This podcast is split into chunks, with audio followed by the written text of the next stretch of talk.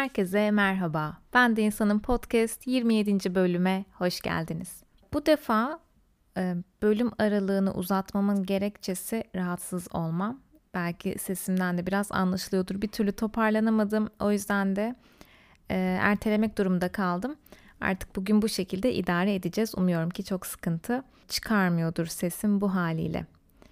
Şimdi bugün aslında bahsetmek istediğim konu biraz böyle sosyal medyada fark ettiklerimle alakalı olacak. Şimdi ruh sağlığı uzmanlarının biliyorsunuz ki sosyal medya hesapları var. Benim de var. Tabii bu hesaplardaki paylaşımlar birbirine göre çok fazla değişebiliyor. Çok ortak, çok benzer paylaşımlara da denk gelebiliyoruz. Ve benim böyle sıklıkla denk geldiğim bir takım paylaşımlar var. Özellikle ilişkiler üzerine. Böyle ilişkilere dair belli başlı bir bilgiyi sunup o bilgi doğrultusunda kişilerin ilişkilerinde bir takım değişiklikler yapmaları öneriliyor. Ve sanki bu değişiklikler çok keskin bir şekilde yapılabilecekmiş gibi de bir algı yaratılıyor sanki. Özellikle de toksik ilişki dediğimiz bir kavram çok böyle yaygınlaştı hepimizin dilinde artık. Ve şöyle paylaşımlara denk geliyorum. İlişkinizin toksik olduğunu anlayabilmeniz için bakmanız gerekenler ya da eğer ilişkinizde bunlar bunlar varsa o ilişki toksiktir gibi böyle bir belirti listesi çıkarılıyor. Ardından da o belirti listesinin sonu e, deniliyor ki eğer ki ilişkinizde bunlar varsa o ilişkiden çıkın. Peki.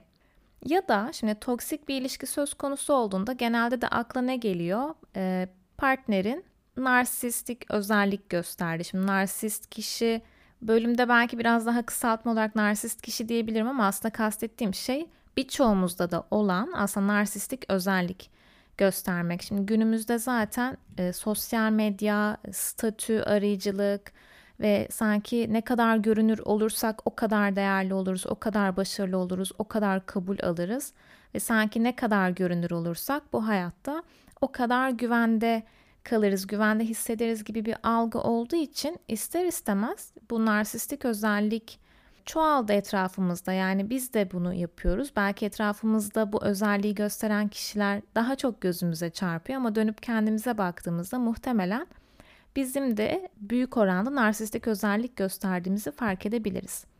Ama bu da şuna dönüştü. Şöyle listeler de var yine sosyal medyada. İşte ilişkimin toksik, partnerimin narsist olduğunu nasıl anlarım? Burada da eğer ki partnerinizde şu şu şu özellikleri görüyorsanız o kişi narsisttir ve ilişkiyi bitirin. Peki. Şimdi bunlar bir de bu kadar kolaymış gibi adlandırılıyor. Yani ilişkinde bunlar varsa sen çok yanlış bir ilişkidesin ve derhal o, o ilişkiden çıkman gerekiyor. Bu bu kadar kolay değil. Olmayabilir diyecektim. Bu bu kadar kolay değil. Yani birçoğumuz için değil. Çünkü zaten eğer ki narsistik bir düzlemde biz o ilişkiyi kurduysak o ilişkiden çıkmamız daha da zorlaşıyor. Birazdan bundan bahsetmek istiyorum. Ama öncelikle şuna da bir değinmek istiyorum. Şimdi diyelim ki biz ilişkimizi ve partnerimizi değerlendiriyoruz. Benim ilişkim ne kadar toksik, partnerim ne kadar narsist. Şimdi az önce dediğim gibi birçoğumuzda aslında narsistik özellik var. Ee, narsistle aslında neyi kastettiğimiz de önemli burada. Çünkü çok yaygın bir şekilde kullanılan bir kavrama da dönüştü bu. Herkes herkese bir şekilde etiket gibi bu ifadeyi söyleyebiliyor. Ama biz partnerimizi değerlendiriyorken partnerimiz de yine elindeki bir belirti listesine göre çünkü sanki ilişkiler artık biraz buna göre kurulmaya başlandı. Bize bir liste veriliyor Bunlar varsa partnerinde o iyi bir partnerdir. Bu özellikler varsa kötüdür. Şunlar yoksa sakın ha. Hiç e, bulaşma o ilişkiye gibi. Yani tanımaktansa önce elimizdeki belirti listesine göre bir değerlendirme yapıyoruz ve eğer ki o değerlendirmenin sonucunda e, potansiyel partnerimiz elendiyse gerisini tanımaya zaten hiç böyle tenezzül etmiyoruz. Böyle bir durum da yaşanıyor ne yazık ki. Önden böyle bakılan, çek edilen bir belirti listesi var. İlişki içerisindeyken de bu yapılabiliyor. İlişkinin neye dönüştüğü, ilişkinin içinde neler olduğu. Aslında orada derinleşmekten ziyade biraz yine toksik mi değil mi belirti listesine göre benim ilişkim hangi noktada kalıyor. Ama şimdi ilişkinin içinde o kadar çok dinamik var ki biz bunu elimizdeki tek bir listeye bağlı olarak aslında değerlendiremeyiz. Bu değerlendirmeyi biz yapıyoruz diyelim ama partnerimiz de yapıyor olabilir O noktada da şöyle bir soru çıkıyor ortaya. Peki ya ilişkideki narsist bensem? Burada şöyle bir sakınca var. Yani narsist olduğunu fark ettiğiniz anda ayrılın. Herhangi biri benim gözüme narsist de görünebilir bu arada. Yani eğer ki ben bunun tam olarak ne olduğunu bilmiyorsam, benim zaten temelden getirdiğim bir kusurluluk, eksiklik, inancım vardır kendimle ilgili ve benim kendimi kusurlu hissetmem çok kolaydır. İlişkide de bunu yaşıyorumdur ve şöyle bir algıya da kapılabilirim. Partnerim bana eksik hissettiriyor. Demek ki partnerimin e, benim üzerimde zorbaca bir takım tavırları var. Belki büyüklenmeci yaklaşıyor, belki beni zedeliyor, eksik hissettiriyor, kusurlu hissettiriyor. Şimdi o noktada da ben diyebilirim ki demek ki bu toksik bir ilişki, ben bu ilişkiden çıkayım. Halbuki orada belki benim yetiştiğim çevreden getirdiğim bir takım yapılar da ilişkinin içine dahil oluyor ve ben hiç oraları çözmeden diyorum ki ben bu ilişkide böyle böyle hissediyorum. Öyleyse çıkayım. Burada şöyle bir aslında bir çıkmaz var ve ben bunu biraz tehlikeli buluyorum. Öyle bir bahsediliyor ki sanki bütün narsistik özellik gösteren kişileri tespit edeceğiz. Sonra onları tırnak içinde ilişki kurulmazlar sepetine atacağız. Onlar orada öyle kalacak. Onlarla kimse ilişki kurmayacak. Çünkü bütün paylaşımlarda deniliyor ki o kişilerden uzak durun. İlişkinizdeki kişi eğer, ilişki kurduğunuz kişi eğer böyle biri ise ondan vazgeçin vesaire. Böyle bir kural kitapçığı gibi. Şimdi bu ilişki kurulmazlar sepetinin içinde biz kendimizi de bulabiliriz. Belki birileri de bizi o sepete atmış olabilir. Şimdi bunu hiç bilmiyoruz. O yüzden de bu o kadar basit bir konu mu? Yani ilişkinin içerisinde eksik hissetmek, partnerinin narsistik özellik gösteren biri olup olmadığına karar vermek. Diyelim ki evet bu özellikleri yakaladın, anında o ilişkiden çıkmak bu kadar kolay mı? İlla derhal o ilişkiden çıkmak gerekir mi? Yani bu kuralları kim koyuyor? Bu ilişkilerin dinamiklerine kim karar veriyor? Biraz böyle buraları sorgulamak gerektiğine inanıyorum. Şimdi tabii aşka ilişkin çok fazla tanımlama olmakla birlikte yani romantik ilişki, aşk net bir tanımlaması da yok aslında baktığımızda. Yani olmadığı da söyleniyor. Birçok tanım yapılmaya da çalışılıyor. E, farklı ekollerin farklı farklı açıklamaları da bulunuyor. Yani net, sabit bir tanımı yok aslında. Herkesce kabul edilmiş. Ama şimdi yaygın kabul gören tanımlamalardan birisinden bahsetmek istiyorum ben biraz. Özellikle de bu e, hani az önce bahsettiğim konu narsistik kişilerle ilişki konusu çerçevesinde biraz ilerleyeceğiz.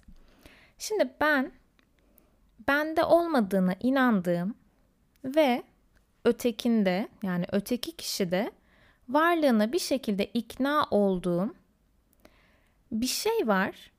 Yani bende olmadığına inandığım ve ötekinde varlığına ikna olduğum bir şey var benim. Ve o şey benim aşk duygumun en önemli bileşenlerinden biri haline dönüşüyor. Şimdi dolayısıyla temelde kendi eksikliğime ve kusurluluğuma ilişkin güçlü bir inancım varsa benim zaten aşkı böyle beynimden vurulmuşum gibi yaşayabilirim. Şimdi hiç kimse tam olmadığı için illaki herkesin bir şekilde içten içe hissettiği bir eksikliği vardır ya da kusurluluk hissi de olabilir. Ee, ama bazılarımızda bu daha yoğun yani bir inanç şeklinde olabiliyor ve benim eğer buna dönük güçlü bir inancım varsa ben bu aşk duygusunu yıkıcı boyutlarda yaşayabilirim. Şimdi narsistik özellik göstermekten bahsediyorken burada ne var aslında kendi tamlığına, tam oluşuna fazlasıyla yatırım yapan ve tırnak içinde mükemmel görünüm sergilemeyi amaçlayan narsistik özellik gösteren kişilerde ben eğer ki içten içe kendimi zaten eksik, değersiz hissediyorsam bana fazlasıyla çekici gelebilir. Çünkü benim zaten kendimle ilgili ikna olduğum şeyi bana tekrar tekrar kanıtlıyor bu kişiler. Çok tanıdık geliyor eksik hissetmek. Ve onlar da e, o mükemmel görünüm sergileme çabalarıyla birlikte çok benim için göz alıcı olabilirler. Ve ben tekrar tekrar o eksiklik duyguma çarpabilirim. Dolayısıyla da çok yoğun bir aşk duygusu hissedebilirim. Bunun sonunda da ne yapabilirim? O kişileri yüceltebilirim, onlar için kendimi feda edebilirim, onlara boyun eğebilirim, onların onayları peşinde koşabilirim. Her daim onların haklı olduklarına ve daha iyisini bildiklerine ikna olabilirim. Bu da beni onların gözünde tercih edilebilir, tercih edilir bir partner yapabilir.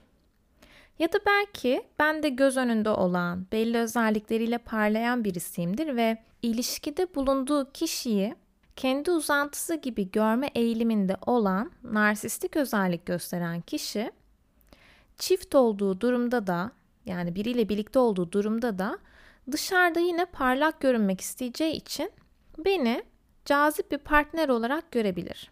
Burada aslında sevgilisi olman bakımından böyle benim etraftan aldığım her onay otomatik olarak onun da onay alması anlamına gelir.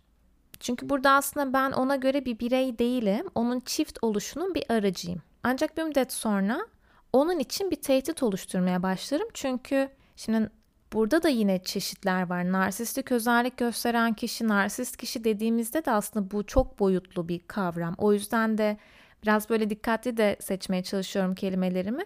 Çok boyutlu yani evet belli bir tanımı, belki özel belirtileri var. Ama kişinin o özelliği göstermesinin arkasında bambaşka hikayeler yatabilir. Yani çok derin hikayeler var.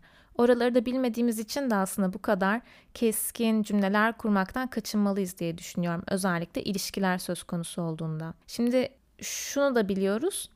Çok ciddi kusurluluk inancı, kusurluluk duygusu olan kişiler de bunları aşırı bir biçimde telafi etmeye çabalayarak narsistik özellik gösterebiliyorlar. Şimdi burada da Dedim ya az önce ben de belki bir şekilde parlıyorum ve ona cazip geliyorum. Çünkü biz o kişiyle bir ortama girdiğimizde çift halinde parlıyor olacağız ve ben onun için e, bir aracım aslında. Onu çift haline getiren bir aracım, onun bir uzantısıyım.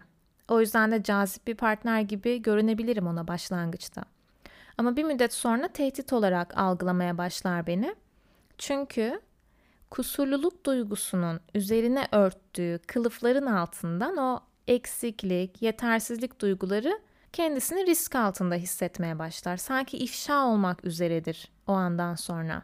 Burada aslında bir başkasının tırnak içinde tamlığı yani tam görünümü karşısında narsist kişi büyüklenmeci modlarını sürekli kılamayabilir ve bu modu sürdüremediği takdirde onun altından da incinen yanı açığa çıkabilir. Bu da onun için aslında ürkütücü bir durum, istemediği bir durum. Bunu istemez ve Dolayısıyla da o ilişkide olduğu kişiyi yani burada beni zedelemeye, değersizleştirmeye başlar. Burada aslında haset duygusu, ilişkide bulunduğum kişinin bana yönelik haset duygusu bana zarar verme arzusunu besliyor. Kendi tamlığı da ancak ötekinin kendini eksik hissettiği yerde gün yüzüne çıkıp parlayabiliyor çünkü. Dolayısıyla da baktığımızda evet narsistik özellik gösteren kişi aslında yanına yakışanı arar, yanına yakışanı arayabilir. Ama bir yandan da kendisini tam hale getirmeye çalıştığı için büyüklenmeye de ihtiyaç duyduğu için kendisini eksik hisseden bir partner onun için parlayabileceği, daha tam hissedebileceği bir alan yaratacak ve bu yüzden de aslında çok değerli bulduğu, yanına yakıştırdığı kişi de bir yerden sonra değersizleştirme çabasına düşebilir. Bunlardan bahsederken böyle biraz şey algısı da oluyor. Sanki yani bunlar kötü insanlar ve bilinçli bir şekilde zarar veriyorlar gibi. Aslında kendi içlerinde, kendi içimizde yani bir takım bocalamalar söz konusu. Oraya da bir bakmak gerekiyor. O yüzden de böyle eğer ki hayatınızdaki kişi narsist bir bireyse hemen ilişkiyi bitirin.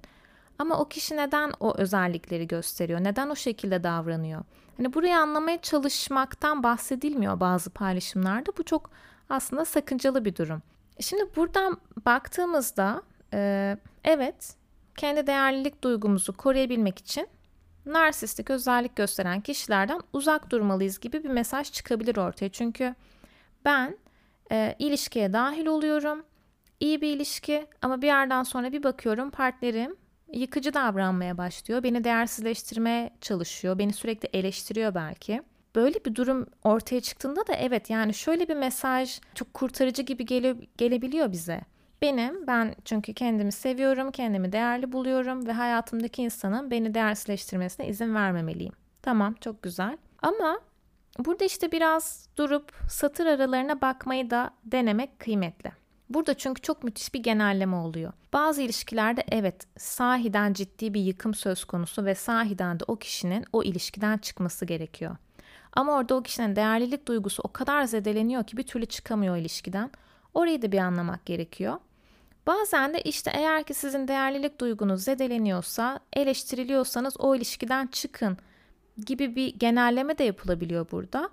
Eleştiri dediğimiz şey herhangi bir partner, herhangi iki partner arasında herhangi bir zamanda olabilen de bir durum. Şimdi burada bu genellemeler bu yüzden de sakıncalı. Ben ilişkim içerisinde birkaç defa eleştirildim. Aa, benim partnerim beni zedeliyor, benim değerlilik duygumu sarsıyor. O zaman ben çıkayım bu ilişkiden. Şimdi burada biraz yine olayın şiddeti, yoğunluğu buna da bakmamız gerekiyor. Hani ilişkinizde bu özellikler varsa o ilişkiden çıkın değil.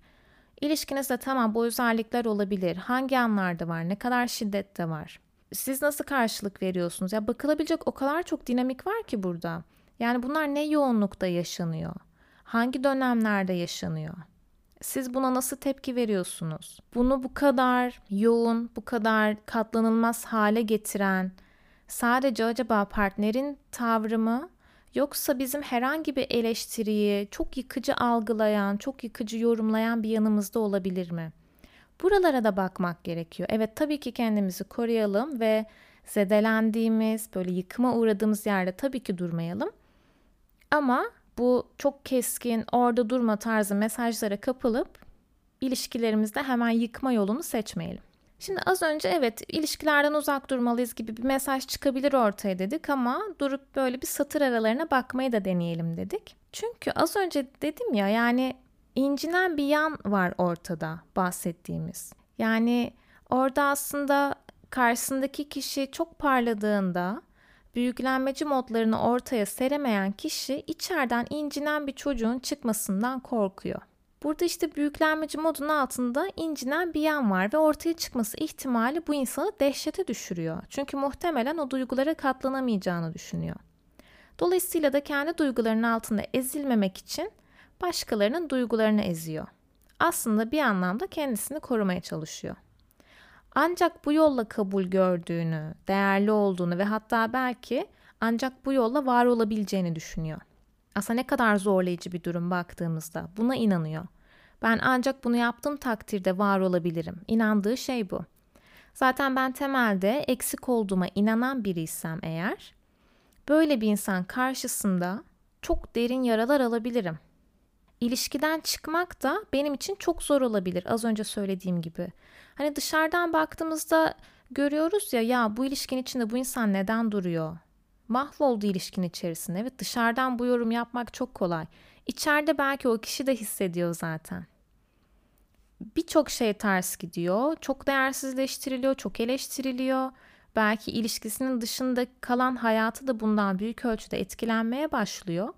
Dışarıdan bakan biri daha ne bekliyor, niye çıkmıyor ilişkiden diye sabırsızlanabilir. Yine belki sosyal medyada yaptığımız bir şey. Ee, yine bir paylaşım alıp işte partnerinizde bu özellikleri görüyorsanız o narsist bir kişidir ve hemen o ilişkiden çıkın. Bu işte bu tarz bir ilişkide olduğuna inandığımız arkadaşlarımıza hemen bu paylaşımları gönderiyoruz. Bak işte uzman demiş sen bu ilişkiden çık. Ama hiç o kadar kolay değil. Şimdi ben temelde eksik olduğuma inanıyorum. Ve sürekli büyüklenmeci yaklaşan, eleştirel biriyle birlikteyim ve çok zedeleniyorum. İlişkiden çıkmak benim için neden zor oluyor peki bu senaryoda? Çünkü ben bu zedelenmeyle birlikte sahiden değersiz olduğuma iyice ikna oluyorum. Benim zaten böyle bir inancım var temelde ve bu bana çok çekici geliyor. Bana çok tanıdık geldiği için ben buraya çekiliyorum. Buraya çekilmeye devam ettikçe de benim o duygum pekişiyor. Yıllar yılı pekişiyor. Bu tarz ilişkilere dahil oldukça değersiz olduğuma her defasında biraz daha ikna oluyorum. Bu ilişkin içerisinde de evet zedeleniyorum ama bu zedelenme ile birlikte evet değersizim ve eleştiriliyorum. Hiçbir şekilde beğenilmiyorum. Partnerim benden memnun değil. Buna iyice ikna oluyorum ve bu ilişkiden çıktığım anda bu değersizlikle nasıl hayatta kalacağımı bilemiyorum. Dışarısı daha bir korkutucu geliyor. Çünkü o kadar ikna oldum ki ben sevilmeyen biriyim, ben değersiz biriyim, ben kusurluyum. Ee, belki benim göremediğim bir şey bu ama insanlar bana baktığında bende bir kusur, bir hata, bir eksiklik görüyorlar. Dolayısıyla da o ilişkinin dışına çıkmak daha korkutucu. Çünkü bilmiyorum yani ben bu halimle dışarıda nasıl hayatta kalacağım bilmiyorum. Ve beni bu kadar zedeleyen, değersiz olduğuma bu kadar ikna eden kişi şu an hayatımdaki kişi. Dolayısıyla da toparlanmanın yolunun ondan geçtiğine de inanabiliyorum. O beni onaylarsa rahatlayacağım. O zaman sanki değersiz olmadığıma biraz daha inanabilirim. Ve şu da bir gerçek bazen sevildiğimize daha çok güvendiğimiz ilişkilerden çıkmak daha kolay olabiliyor. Bu konuda belki biraz daha devam edebiliriz. Ama yani asıl vurgulamak istediğim nokta tamam sosyal medyada bilgilendirici paylaşımlar yapmak çok kıymetli. Bu paylaşımları takip etmek, e, buralardan beslenmek çok önemli. Ama bunları böyle hayatımız yönetmeye dönük yönergeler olarak almak, yorumlamaktan ziyade kendimize soru sormanın bir aracı olarak kullanmaya çalışalım. Evet orada belki çok keskin bir ifade var ve bu kadar keskin ifadelerin kullanıldığı sayfaları belki takip etmekten de kaçınabiliriz bir ölçüde. Ya da dediğim gibi evet orada çok keskin bir ifade var ama direkt ona kapılıp gitmektense onu bir soruya dönüştürmek. Ya işte ilişkide bu bu bu durumlar varsa bu toksik bir ilişkidir o ilişkiden çıkın. Tanıdık geldi belki baktınız ya evet sanki benim ilişkimde biraz bu özellikler var. Oralardan kendinize sorular çıkarmaya çalışın aslında. Evet bu var ama hangi anlarda ben bunu yaşıyorum? Hangi yoğunlukta ben bunu yaşıyorum? E, bu olayın yaşanmasına katkı sağlayan tek taraf partnerim mi?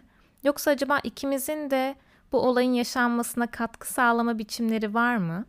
Ve bunu acaba biz neden yaşıyoruz? Yani ilişkideki bu dinamik e, nelerin birleşiminden ortaya çıktı? Ben ne kattım ilişkiye? O ne kattı?